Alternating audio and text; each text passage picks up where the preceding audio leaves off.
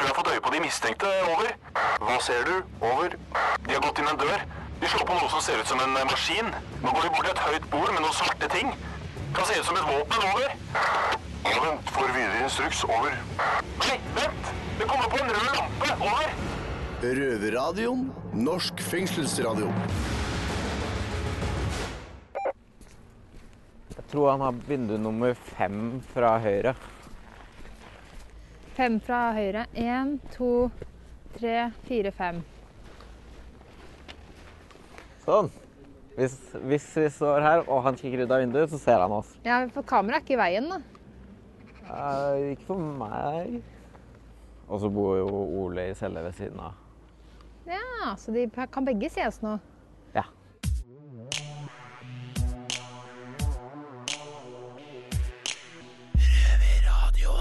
OK. Velkommen til Røverradioen. Dette er en ekstraordinær sending. Pga. sånn eh, verden har blitt, så er det ikke ekte røvere som eh, prater akkurat nå. Det er Det er Martine Rand som er eh, redaktør i Røverradioen. og eh, produsent Joakim Myhre. Men eh, vi står da utafor det svære, gule bygget som er Oslo fengsel. Ja, det som eh, Det som ser ut som noen har smelta sammen masse konteinere.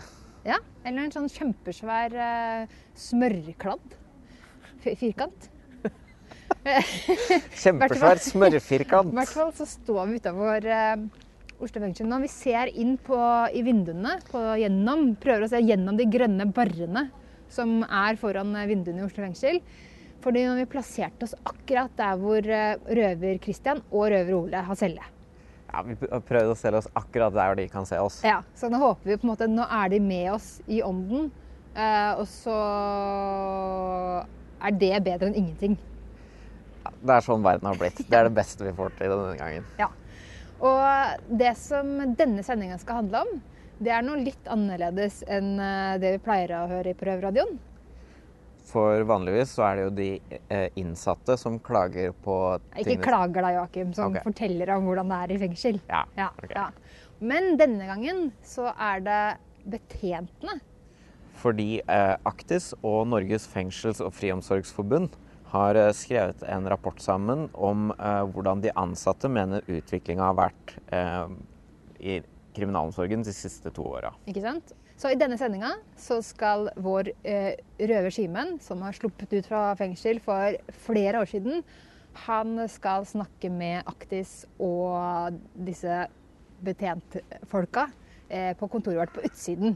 Så vi skal straks eh, sette over til han. Men før det så skal vi gå eh, litt nærmere Oslo fengsel. Ja.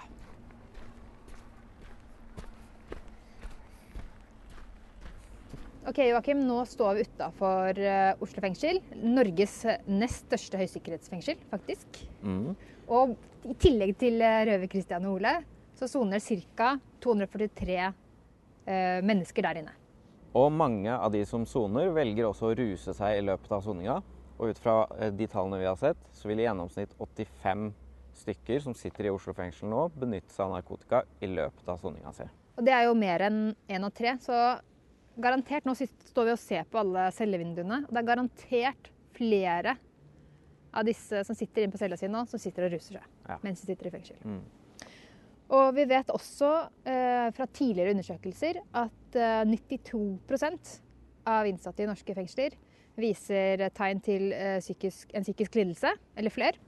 Og det vil jo da si at 223 av de som sitter i Oslo fengsel, viser tegn til en eller annen psykisk lidelse. Ja, 223 av 243. Ja. La oss gå videre til der de ansatte kjører inn. Nå står vi utafor den over fire meter høye grønne fengselsporten til avdeling B Oslo fengsel. Det er altså der de ansatte, altså betjentene, Ja. kjører inn og ut når de skal på jobb. For denne, under, denne rapporten er basert på en undersøkelse hvor, eh, som ble sendt ut til over 3000 betjenter rundt omkring i landet. Eh, og i den så kommer det fram at sju av ti mener at tilbudet til de som sliter med enten psykisk sykdom eller rus, har blitt dårligere de siste to årene. Og det er det de ansatte selv mener. OK, skal vi bevege oss eh, Skal vi bevege oss videre til der man slipper ut når man uh, har sittet inne og Ja. ferdigsona. ferdig sona? Nå går vi rundt den drithøye betongmuren til Oslo fengsel, som er liksom Den er grå og kjip. Eh, med sånn eh, altså de, Istedenfor piggtråd så har de lagt sånn eh, metall, rundt metallrør på toppen. Sånn at det skal være umulig å klatre over. Tror jeg. Det må jo være det. Ja. Man kommer seg jo man kommer seg vel kanskje rundt det metallrøret? Det er sikkert vanskelig, da. Men det er i hvert fall litt mer eh, hva skal si, moderne enn liksom knust glass. Ja. Men nå står vi altså i Åkebergveien.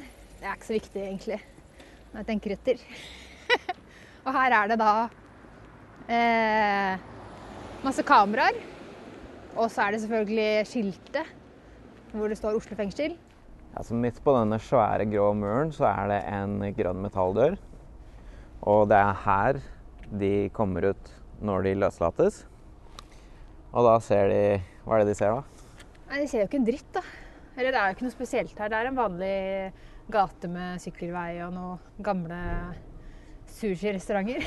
Men det må jo være litt sånn antiklimaks da, hvis du har liksom tingene i en søppelsekk, og så er det dette liksom Ja, så så de aller fleste som slipper ut, går ut her med en søppelsekk, og så er det å klare seg sjæl.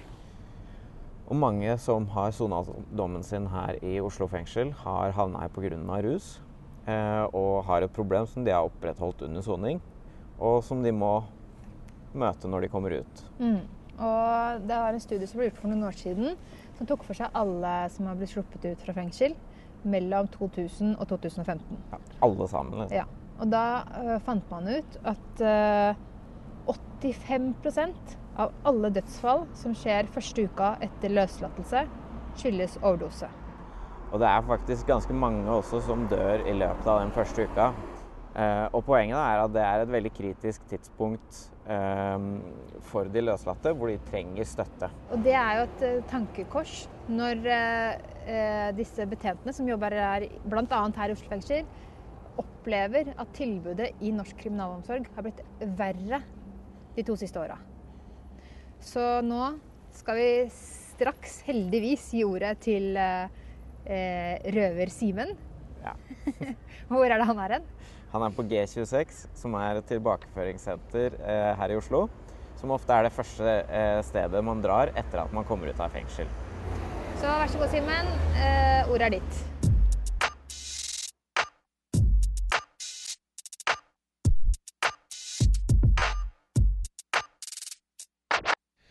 Ifølge en undersøkelse gjort av Aktis og Norsk Fengselsforbund, NFF, kommer det fram at tre av fire ansatte mener at kvaliteten i arbeidet for å klargjøre til liv etter soning har blitt dårligere de to siste årene. Er det virkelig sånn at det er vanskeligere å komme ut av fengsel nå enn for noen år siden? Jeg heter Simni Skarret Larsen og satt selv i Oslo fengsel i 2015 2016. Før det så var jeg mangeårig rusmisbruker og sprøytenarkoman. Eh, vi sitter i på møterommet i G26 fordi studioet vårt er for lite til å, å, til å eh, opprettholde koronatiltak. Og med oss på link har vi Asle Aase, så lyden blir nok litt blandet kvalitet der. Pernille Husby, du er generalsekretær i Aktis. Kan ikke du kort forklare hva Aktis er? Aktis er en paraplyorganisasjon eh, med eh, 34 medlemmer. Hvor vi jobber med å forebygge og begrense skadene av alkohol, narkotika og pengespill. Og for oss er fengselsproblematikken viktig, fordi vi vet at det er mange som går inn der med store rusproblemer. Og at vi håper at vi kan få til en bedre kriminalomsorg og mer helsehjelp i fengsel, sånn at flere kan lykkes med livet etterpå. Asle, kjapt hva NFF er? Eh, Norsk Fengsel- og Friomsorgsforbund er et eh, forbund som eh, i 2018 feira 100 år. Etablert for å organisere ansatte som jobber i datidens fengselsvesen. Nå heter det da kriminalomsorgen. Og vi har selvsagt som oppgave å ivareta medlemmenes lønns- og arbeidsvilkår. Men vi er også veldig opptatt av at vi har soningsmiljøer, at vi har soningsformer og at vi har soningsinnhold. Eh, For å sette de som kommer inn, eh, i litt bedre stand når de kommer ut. Pernille, jeg har jo vært rusmisbruker, eller var rusmisbruker i mange år. Kan ikke vi rusmisbrukere egentlig bare skylde oss sjæl? Jeg tror nok alle har muligheten til å, å gjøre egne valg og liksom finne ut av hvor, hva slags liv man skal ha sjøl. Eh, men vi vet jo om veldig mange av de som har kommet ut i et avhengighetsforhold til rus, at de har hatt en veldig dårlig start i livet. Mange er, eh, har hatt omsorgssvikt eller opplevd ting i barndommen som gjør at man velger å ruse seg, og at det er en vei eh, som oppleves som naturlig å gå. Eh, så jo, på et sted på veien der så kan du ta noen valg, men vi som samfunn har som plikt, mener jeg, da, at vi må i hvert fall sørge for at folk kan ta det valget og får all den hjelp og støtte til å komme seg ut av ting i etterkant hvis man har kommet litt på skeiv kurs. da. Dere har gjort en eh, undersøkelse sammen med NFF. Hvorfor det? Jo, det vi vet er jo en del om folk som skal inn i fengsel. Og så vet vi ganske lite om det som skjer i fengslene, vi som ikke sitter der. Eh, så der eh, tenkte vi eh, at det er interessant å høre noen av de som, stemmene fra noen av de som jobber der. For å høre hvordan de opplever hvilket helsetilbud f.eks. de innsatte har. Um, vi vet jo at antall rusmestringsplasser for eksempel, er få. Det er 162 på alle de fengslene vi har. Eh, og så har vi noen stifinner. Altså det fins forskjellige tilbud. eh, men vi har jo et inntrykk av at ikke det er eh, god nok kapasitet. Og det fikk vi de ansatte til å svare på en del spørsmål rundt. Og fikk jo egentlig det veldig tydelig bekrefta. At de opplever at tilbudet til de innsatte er altfor dårlig. Hva mener dere er de viktigste funnene i undersøkelsen? Særlig det her med, med hva slags helsetilbud som, eh, som man opplever at de innsatte har. Jeg syns jo det er oppsiktsvekkende at det er sånn tre av fire av de innsatte som ser at, ikke, at man ikke får det helsetilbudet som man har rett på. Som en vanlig borger i Norge så har vi rett til helsehjelp.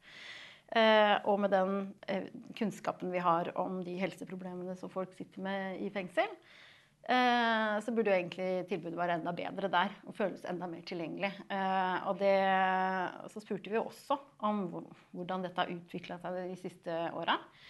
Eh, og da hadde vi jo vi, vi vet så mye, og vi har snakket om dette ganske lenge. og Likevel så sier de som jobber i fengsel, at dette er blitt dårligere. Eh, I tillegg så sier de også at antall, eh, altså muligheten de har til å gi meningsfullt innhold i, i, i dagene på, i fengsel, er blitt dårligere. Og det også vil jo også virke inn på hvordan innsatte har det. Eh, Så totalt sett så syns jeg det gir en veldig nedslående bilde av hvordan livet i fengsel er, er nå. Asle, hva mener du er de viktigste funnene i undersøkelsen? Nei, altså, Tilbakemeldingene fra medlemmene var vel egentlig i tråd med på en måte, hva vi har, eh, har på en måte formidla eh, til politikere og til andre. Altså prøvd å gi et bilde av en eh, Det er, eh, det er mange som er rusmisbrukere, eh, og de kommer inn. Eh, og er jo helt avhengig av oppfølging. De sliter med abstinenser. Og når de på en måte er der inne, da, og så tenker vi hva skal vi finne på da for at, eh, å, å hjelpe dem? Det ene er jo å, en å komme seg gjennom den første perioden. Eh, det er kommunehelsetjenesten som står for helsetjenestene i, eh, i fengslene. Og de de, de er ivaretatt. Vi redder jo mange som sannsynligvis hadde gått grunne der ute om de ikke hadde kommet inn. Gir de stabile rammer. Eh, og vi ser jo hvor, hvor fort de Altså hvor raskt de egentlig kommer seg. Altså når de kommer inn og får faste, faste rutiner, faste rammer, eh, mat, eh, og til slutt da komme ut og, og treffe andre. Men én ting er selve rusmisbruket. Vi er veldig opptatt av, og det viser undersøkelsen òg, altså vi har mista mye verktøy for å jobbe med den enkelte i forhold til rusmisbruket. Dette her med rusmestringsenheter, altså eh, særskilte plasser, hvor man kan bruke mer energi og fagfolk og eh, det å jobbe med rusen. Eh, og så ser vi også at I tillegg til rus så har man også litt andre utfordringer. Det kan være psykiatri, det kan være dårlig helse i seg sjøl. Så har vi isolasjon. Så det er et bilde bak her. altså det eh, Opp mot den spesielle gruppa altså, så, så, som rusmisbrukere. Eh, de skal håndteres. altså Det er en diagnose, det er, syke. Hvordan det egentlig oppstår, altså det, er, det vi legger til grunn at de er rusmisbrukere. Og de, og de skal ha hjelp. De skal ha like mye hjelp som en på utsida. Altså Det er prinsippet med hele straffegjennomføringa. Du skal ha likt tilbud inne som du har på utsida av muren. Eh, og ja, undersøkelsen forteller oss eh, at eh, vi har mista mye verktøy. Ikke for å prate for mye om penger og folk i det programmet her, men det er ingen tvil om at, eh, at helsetjenestene må oppgraderes for å ha enda mer ressurser inn mot å jobbe med det her. Og så må vi ha folk der ute til å følge opp folk. Snakke med dem. Eh, for at eh, endringsarbeid tar tid. Det er, ikke gitt, det, er, ikke gjort på én dom som regel å, å få til endring. Og så er det ettervernet, når du skal ut igjen. Eh, hvordan det følges opp. Altså, vi gjør et godt stykke arbeid inne, men eh, vi kunne gjort så mye mer. Eh, og rapporten sier dessverre det vi har sagt, og som var grunnen til at vi også samarbeider med Aktis. Vi hadde samme målsetning opp mot politikerne. Eh, det var å jobbe for å bedre eh, vilkåra, bedre tilbudet. Og Aktis og vi er jo heldigvis enige om én ting. Eh, for lite verktøy, for lite programvirksomhet, eh, for lite rusmestringsenheter, og for lite folk, og for lite penger. Eh, jeg tror alle, jeg tror veldig mange har noen i sin sfære som sliter med rus. Og alle vet jo hvor eh, håpløst du egentlig føler deg.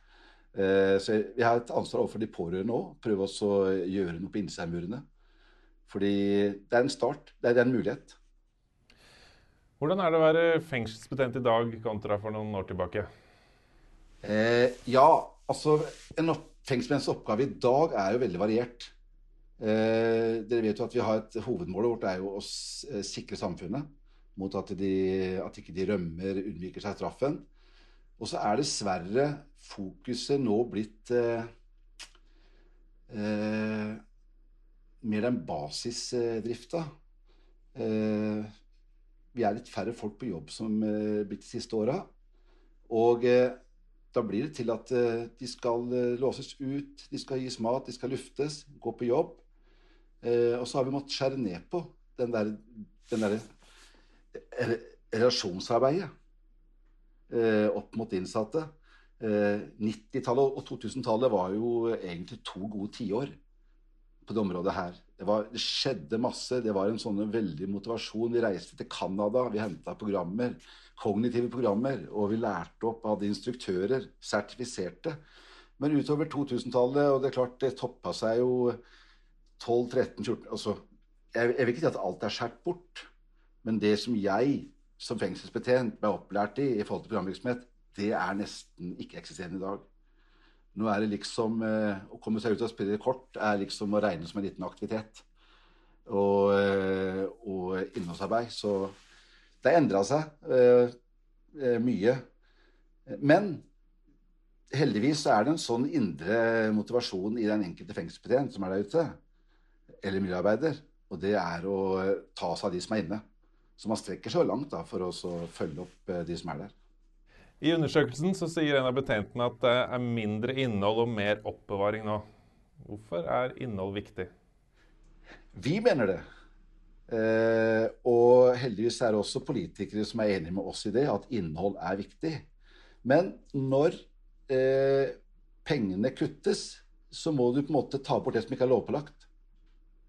Det er ikke lovpålagt eh, å drive et program. Det er ikke lovpålagt å, eh, å faktisk skal hjelpe en innsatt med å bli ferdig med rusmisbruket. Nei, det er lovpålagt at du skal ha mat, du skal kunne gå på jobb. Eh, altså, det er mange ting som er lovpålagte. Eh, men da må vi kutte det som ikke er lovpålagt, da. Eh, så eh, Nei, vi sliter, med å, vi sliter med å få litt gehør her hos de som styrer. Men er det egentlig skattebetalerne Skal de betale for at du og jeg skal spille kort sammen på avdeling? Den dagen noen i, i nabolaget får en nabo som kommer ut av fengsel, så tror jeg noen av de stiller spørsmål hva er det han eller hun har eh, gjort Eh, vært i fengsel, ja. Hva har skjedd med den personen der? Det er, jeg tenker at uh, dette handler om trygghet. Altså Dette handler om tryggheten for deg og meg. Uh, dette handler om uh, tryggheten for barna dine som skal gå ut i nabolaget der. Og vite at den personen har faktisk blitt både rehabilitert og jobba med rusmisbruket sitt, og er på vei tilbake til å bli en, som vi vil kalle det for noe, en, en god samfunnsborger. Det er viktig for, jeg tror det er viktig for deg og meg og for, og for den enkelte, det som skjer på innsida av murene. Un undersøkelsen viser at 60% av ansatte har følt seg utrygge på jobb. Hvorfor er det så viktig med trygge og fornøyde betjenter? Eh, altså, eh, vi har et sånt eh, jeg si, slagord. da. Altså, vi er veldig opptatt av innsattes soningsmiljø, for det er vårt arbeidsmiljø. Og eh, i større grad vi kan påvirke det, og i, og i større grad vi kan eh, være delaktige i det, desto mer tryggere blir den som jobber der. Det er det som kalles dynamisk sikkerhet. Det er mye vanskeligere å slå til en og spytte på en og gjøre noe mot en som du kjenner. Eh, men det er det som har skjedd de siste åra her. Det blir større distanse mellom ansatte og innsatte. Eh, og jeg tenker også for mange innsatte jeg tror mange innsatte også føler seg utrygge. Og det, og det vet vi jo. Du vet jo dette her med disse ulike gjengene her. Eh, hi- hi- hierarkiet som er inne i fengslene. Altså Er du selestøm, så er du på bånn. Er du rusmisbruker, så er du en plass midt imellom der. Det er ingen som har noe særlig sympatier eller antipatier. Eh, og så har du de som er øverst i, i kjeden. Og den tryggheten der, den kan vi kun opprettholde ved at vi er der. Men hvorfor har bemanningen gått ned? Ja eh, Hvorfor har den gått ned? Nei, det henger jo sammen med én ting. Altså, Kriminalomsorgen er ikke noen stor virksomhet. Eh, eh, vi, har et budsjett på 5 milliarder, eller 4,8 milliarder. 70% av det er jo lønn. Og så er det faste utgifter. Vi må betale strøm og det som alle andre må betale. Og så er det da Hvor skal du spare inn de 30 millionene du blir pålagt hvert eneste år? Og det må du ta inn på lønn. Du kan ikke la være å betale strømmen. Så det vi opplever i dag, er at vi har mye minimumsbemanninger. Eh, og da gjelder det å gjøre de daglige oppgavene du må gjøre. Eh, så disse budsjettkuttene Jeg merker meg at eh, statssekretæren til Mæland han sier at vi prater tull. Men det er veldig rart når hans eget fagdirektorat er helt enig med oss og sier at vi er blitt kutta 250-60 millioner i driftsbudsjettene. Du må slutte å blande inn disse nybyggene. De er så opptatt av å klippe snorer av nybygg, vet du. Prater om det. Men når det gjelder til det som gjelder, som er viktig for deg og meg og de som sitter inne, det er jo folk. Altså eh, et kamera eller, altså, et, Det som endrer folk, er jo folk. Er det ikke ålreit med nye, freshe, moderne bygg? Ja, vi er, vi er litt uenige om det også. Eh, Det blir jo større avdelinger. Altså, jeg, jeg har jo min eh, oppvekst i, i, i fengsel i Skien. Jobba der noen år. Jeg har permisjon derfra. Der er vi boenheter på seks innsatte. Og du verden så god oversikt du har over seks innsatte. Du verden hvor lett det er å holde en dialog og være i kontakt med de på seks innsatte. De nye X-byggene er jo tolv innsatte. Eh, Det er dobbelt så mange innsatte, og du har, du har ikke mer tid enn før. Så eh, jeg, jeg liker bedre disse mindre fengslene, mindre avdelingene. For der får du på en måte Akkurat som vi sitter her nå, vi fire-fem stykkene. Du verden hvor lett praten går. Pernille, i undersøkelsen skriver dere også om LAR. Hva er LAR, og hva er problemet i forhold til det? LAR er jo legemiddelassistert rehabilitering. Man, man- man gir eh, folk som har en avhengighet av eh, noen stofftyper, en, et eh, medikament i stedet. Og det er jo nødvendig for folk eh, for å få kontroll på, på de abstinensene som kan oppstå hvis du går av heroin, f.eks. Eh, og der, eh, der, får jo, der får man jo også utdelt det i fengsel hvis man trenger det og har, eh, er i det programmet. Eh, og det tenker jeg er- helt nødvendig. Altså de, folk skal ha legemidlene som de trenger. Men det som blir nevnt i den undersøkelsen, er jo at de ansatte opplever at eh, LAR-medikamenter blir en sånn butikk. At de som får utlevert medikamenter, også noen ganger selger videre, eller gir videre, eller blir pressa til å gi videre. Eh, noe som selvfølgelig kan skape uro, det også. Eh, så det de som jobber i fengsel snakker om, eller sier i denne undersøkelsen, er jo at de gjerne skulle sett at det er mer helsepersonell som er inne i den utdelingen. For de ser jo også at fengselsbetjentene også gjør den jobben. Eh, selv om det å håndtere medikamenter ellers i samfunnet er jo knytta til det å være et helsepersonell. Så, så det er jo bare en, det er en diskusjon, det også, om hvem som skal foreta den eh, helseoppfølgingen av de som er i LAR-programmet i fengselet. Man kan jo bli like avhengig av alkohol som heroin. Burde man fått utdelt det også, eller må vi nøye oss med å drikke antibac? Ja, det kan du si. Nei, eh, alkoholavhengighet vi, Det var jo nettopp en ganske fersk undersøkelse som viser at det er ganske stor eh, andel av de som kommer inn, som også er alkoholavhengige. Og det er jo vel så farlige eh, abstinenser og sånn, når man ikke får tilgang til alkohol. Eh, der er det jo muligheter for å avruse seg først gjennom avrusningsenheter. Og det tenker jeg jo at det bør jo i hvert fall fengsel Hvis man kommer i fengsel og får alkoholabstinenser, så bør man jo absolutt inn i helseoppfølging først. Eh, Asle, hvordan opplever eh, betjentene å forholde seg til LAR og, og kanskje også de innsattes avhengighet? Jeg må først si at uh, vi mener at uh, all utlevering av medisin er egentlig helsetjenestens ansvar. Og så er det en veileder her da, hvor det står at vi skal bidra til en uh, mer Vi hjelper helsetjenesten. Litt medisinkurs, og så kan vi dele ut medisiner. LAR er Det er ikke noe jeg vil si det sånn at det, det er ikke hallelujastemning hver gang det, man skal holde på med LAR utredning av det. Eh, en ting er om du skal bruke det.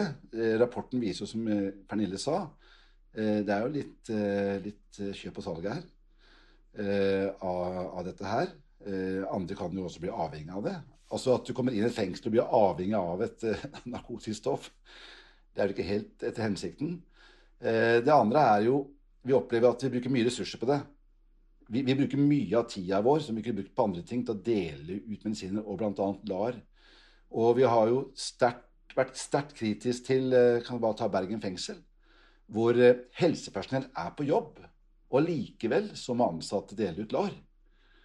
Eh, så vi har jo adressert det her både til politikere og innad i, i, i egen etat at det er ikke forenlig med det vi mener, de som eier ansvaret, og det er jo helse de må, de må håndtere det og foreta utdelingen. Og vi kommer alltid til å gi oss på det at vi mener at helse må, de må oppgraderes. De må også oppbemannes til å håndtere oppgavene. Hvis ikke de har nok tid til det, så må de ha mer folk, de også.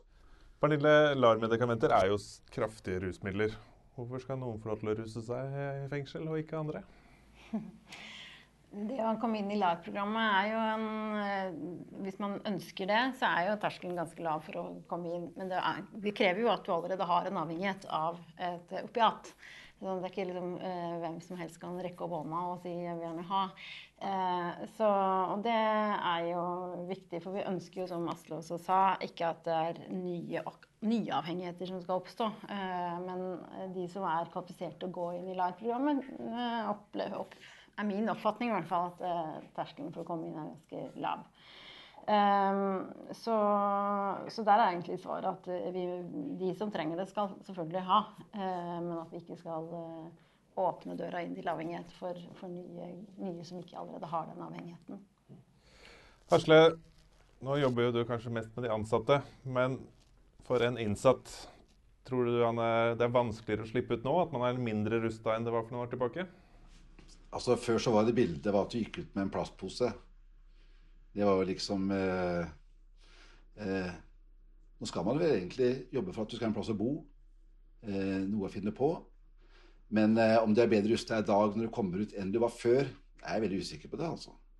Fordi dette handler om eh, nettverk, dette handler om eh, hva du har fått på plass via om det er friomsorgen eller om det er ut imot dette vernet her. Det jeg tror eh, Nei, jeg tror ikke jeg kan garantere at de som kommer ut i dag, eh, er bedre stilt enn de som gikk ut for 15 år siden.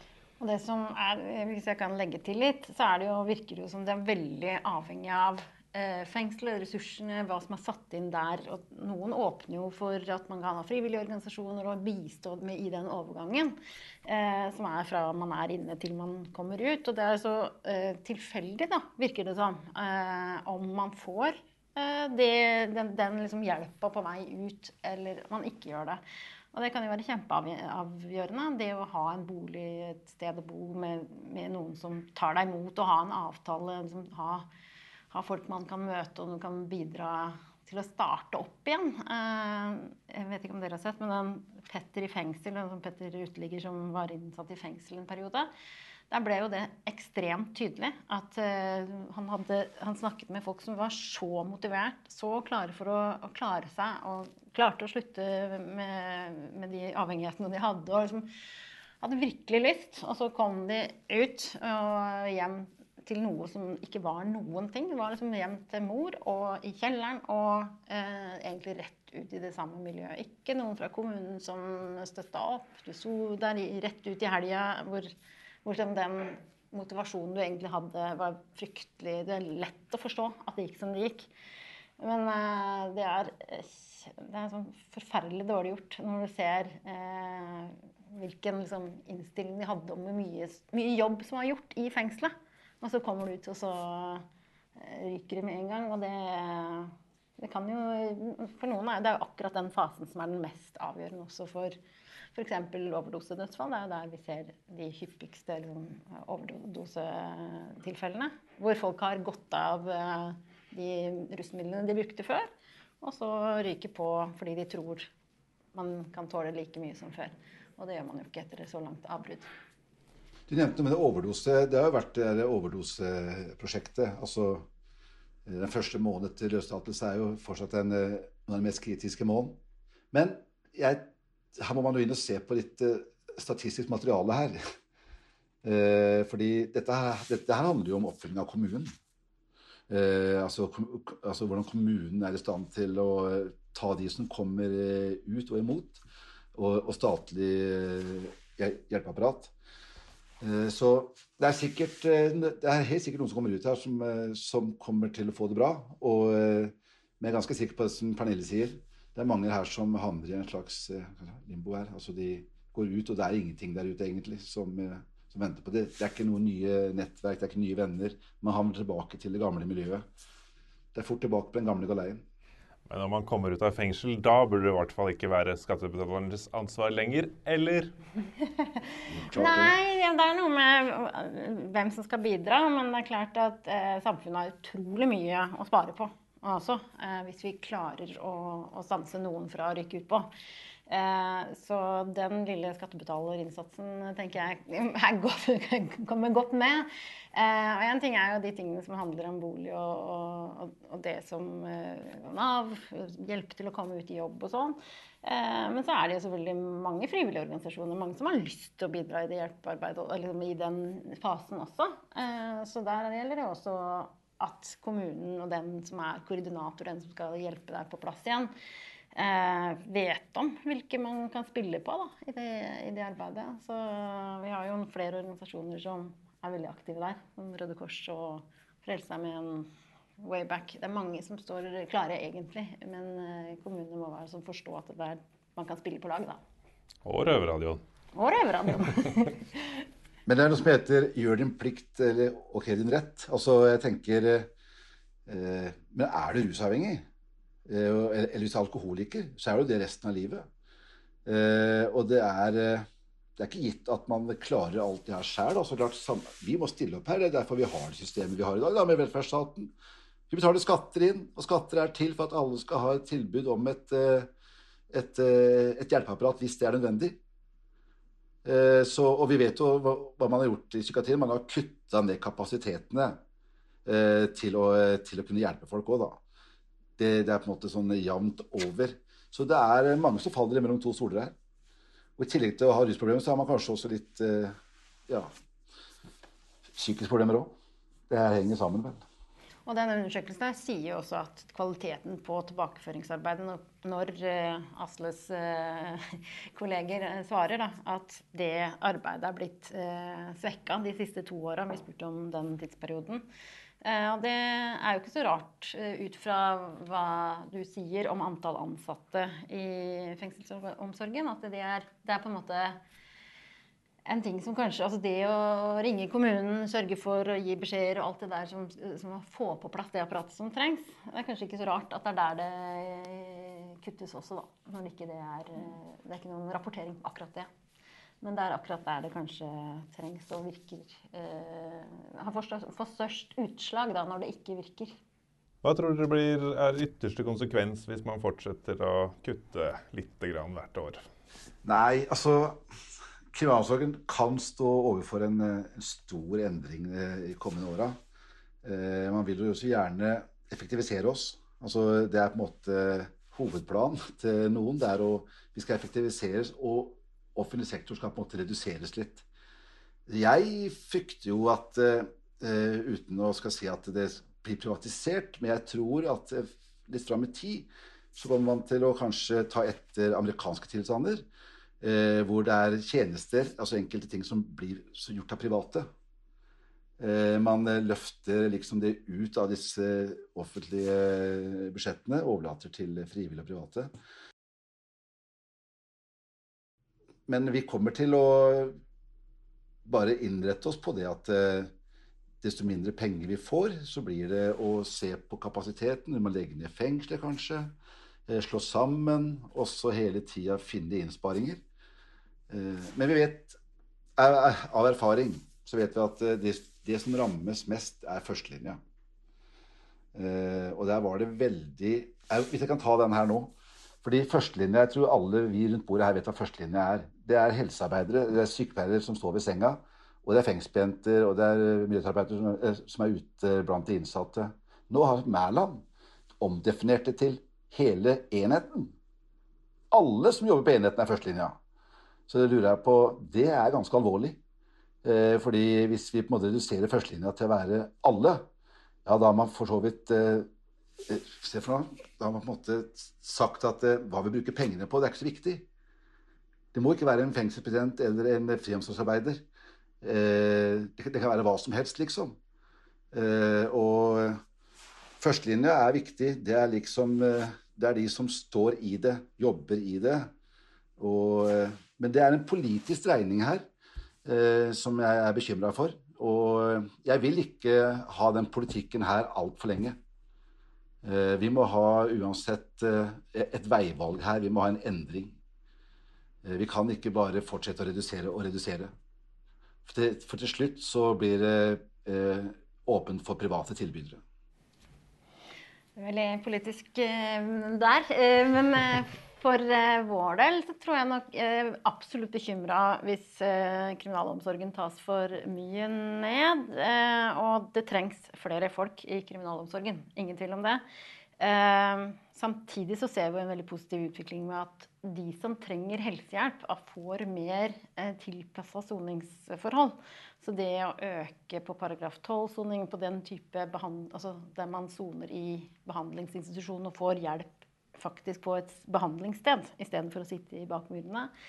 Jeg håper og tror at det blir en satsing også framover. Fordi eh, det er en del mennesker som blir sykere og dårligere av å være i fengsel. Eh, og det bør vi kanskje se enda nøyere på. Eh, sånn at de som Sånn at vi ikke skaper et, liksom, en negativ sirkel for, for, de som kommer inn i fengsel, eller som, som gjør kriminelle handlinger. da. Har vi fortsatt verdens beste kriminal kriminalomsorg i Norge? Og hvis dere kunne bestemme, hva skulle man gjort for å gjøre den enda bedre? Det var et lite spørsmål på slutten der. Ja. eh, vi har eh, fortsatt en, en, veldig bra kriminalomsorg.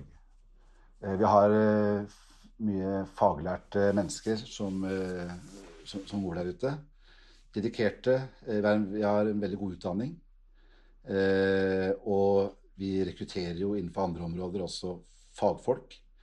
Så vi har, eh, og vi, det er bygd noen nye fengsler òg, så vi kan være uenige om eh, design og diverse. Så, så er det gjort ting som er, som er bra. Eh, men jeg vil si at det bildet av Norge som verdens beste kriminalomsorg, det, det falmer litt. Når vi ser på disse kuttene, små kutt som over tid blir ganske store. Og jeg jeg er ikke imot å se at vi kan effektivisere eh, måter å gjøre ting på. Men eh, det som eh, er liksom konsekvensen av det som nå skjer, er at vi, vi reduserer på kvalitet. Eh, og over tid så er ikke det noe bra bilde. Og vi har merka det nå de siste åra at vi har ikke klart å opprettholde den kvaliteten vi ønsker på eh, alt det vi skal gjøre. Men vi har fortsatt en bra kriminalomsorg. Eh, men jeg vil ikke si her og nå at, eh, at vi er der vi skal være, nei. Nei, jeg vil ha en satsing på norsk kriminalomsorg. Jeg vil slutte å diskutere hva vi skal gjøre mindre av, og hva vi skal legge ned. Jeg vil snakke om hva vi kan gjøre mer av, og hvordan vi kan utnytte disse ressursene som er der ute. I samarbeid med altså alle faggruppene innenfor et fengsel, eller hvis det er ute i friomsorgen. Eh, og jeg syns også mange av de frivillige gjør et viktig arbeid inn i, eh, inn i kriminalomsorgen. Om det er besøkstjenesten til Røde Kors eller altså Det er eh, mange viktige brikker eh, inni her, og det å få et godt samarbeid mot kommunene og andre. Jeg vil gjerne snakke om det. Jeg vil snakke om hva vi kan gjøre mer av. Hvordan vi kan utnytte vår kompetanse og vår, vår innsikt.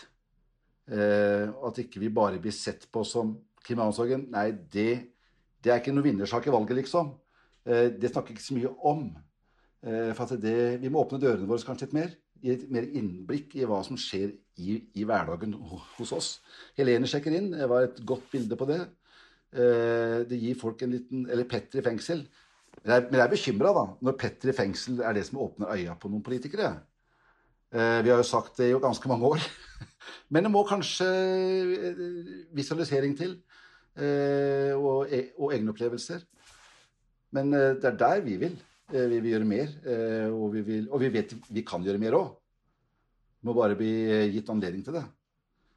For vi er der, og vi, vi gir oss ikke. Selv i denne knallharde pandemien så er vi på plass. Ja, jeg må jo bare støtte opp om det du sier. Eh, at vi må gjøre mer av det vi ser virker, jo, må jo være et uh, mål. Og jeg håper jo virkelig at uh, politikerne også ser Nå vet vi ganske mye om de som går inn i fengsel. Vi vet ganske mye om hvilke ting de sliter med. Og det å se at det er også mennesker som har akkurat de samme kravene til helsehjelp, akkurat de samme behovene for, å, for hjelp og støtte som oss andre som sliter. Så det å tenke at her eh, har vi alt å vinne på å sette støtte mer opp og sørge for at vi kan lykkes med litt flere med å føre tilbake til samfunnet til, til et liv uten kriminalitet og med mindre helseproblemer, så, så har vi spart de, den, den, innsatsen vi gjør i fengsel, eh, veldig fort, tenker jeg. Så heller litt mer inn som ressurser, og så kanskje vi kan spare på sikt. Og så må jeg kunne si det, da. Det er ganske mye penger spart for samfunnet hvis vi får gjort jobben vår, og hvis Eh, man jobber enda bedre i forhold til eh, før man havner utpå.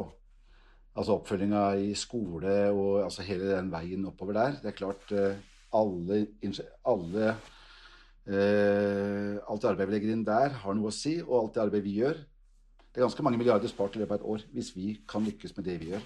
Ja, jeg tror samfunnet allerede har spart en del millioner bare på meg. Så vi får prøve å opprettholde det gode arbeidet videre. Ja, det, er det er godt jobba av Røverradioen. Veldig bra. Ikke sant. Da tror jeg vi skal si tusen takk for praten til Asle Aase, forbundsleder i Norsk fengsels- og friomsorgsforbund, og Pernille Huseby, generalsekretær i Aktis. Statssekretær i Justis- og beredskapsdepartementet Tor Kleppen Settem svarer dette i en kommentar til Røverradioen. Kriminalomsorgen skal legge til rette for at helse og andre samarbeidende etater kan gi innsatte den hjelpen de har behov for og krav på. Det er et overordnet mål for kriminalomsorgen å redusere tilbakefall til ny kriminalitet og få flere domfelte tilbake til utdanning og arbeid. Derfor har regjeringen arbeidet for en mer rehabiliterende straffegjennomføring med vekt på innholdet i soningen. Et av områdene det har blitt satset på, er nettopp at innsatte og domfelte skal få behandling for sin rusavhengighet. De siste årene er det bl.a. bevilget betydelige midler til nye stifinnerenheter, utvidelse av narkotikaprogram med domstolskontroll og ny avrusningsenhet i kriminalomsorgen. Det er også bevilget midler til økt bruk av straffegjennomføring i rehabiliteringsinstitusjon etter straffegjennomføringsloven paragraf 12.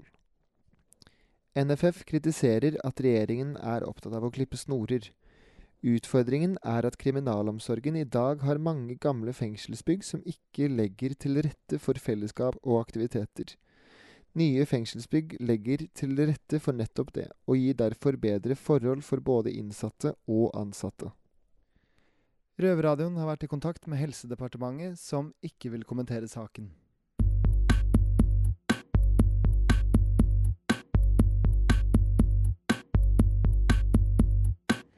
Da er vi tilbake her utafor Oslo fengsel med utsikt til uh, røverne våre. Eller cellevinduene deres, da. Så vi er i nærheten av røverne.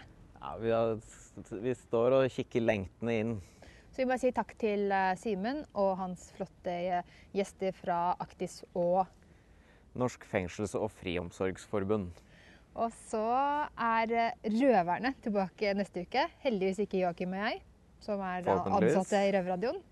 Og, da kan dere som vanlig høre oss på NRK P2 søndager klokken 20.30. Eller når, hvor du vil på podkast, så lenge du ikke sitter i fengsel, for da har du ikke tilgang til internett. Og vanligvis så pleier jo røveren å fortelle hva de skal gjøre på cella eh, i denne delen av sendinga. Så Joakim, hva tror du Christian gjør inne på cella nå? Eller skal gjøre resten av kvelden? Jeg tror han kommer til å, å kose seg med lapskaus og se på Røverradiokanalen på TV. Mm, OK, spennende. Hva tror du Ole kommer til å gjøre? Ole eh, han pleier å se på nyheter på samisk, sier han. Så kanskje det er det han skal. det er koselig å tenke, i hvert fall. ja. Da vinker vi opp til røverne som sitter inne på cella si i Oslo fengsel. Og så vinker vi ha det til deg som hører på. Ha det! vi ser det ikke, men vi vinker ha det. Det har vært stille fra over en time. Hva skjer? Over. Det er bare et radioprogram. Det er lettere å høre på dem der. Over. Ja, vet du når det går, da? Over. Det er samme tid og samme sted neste uke. Over.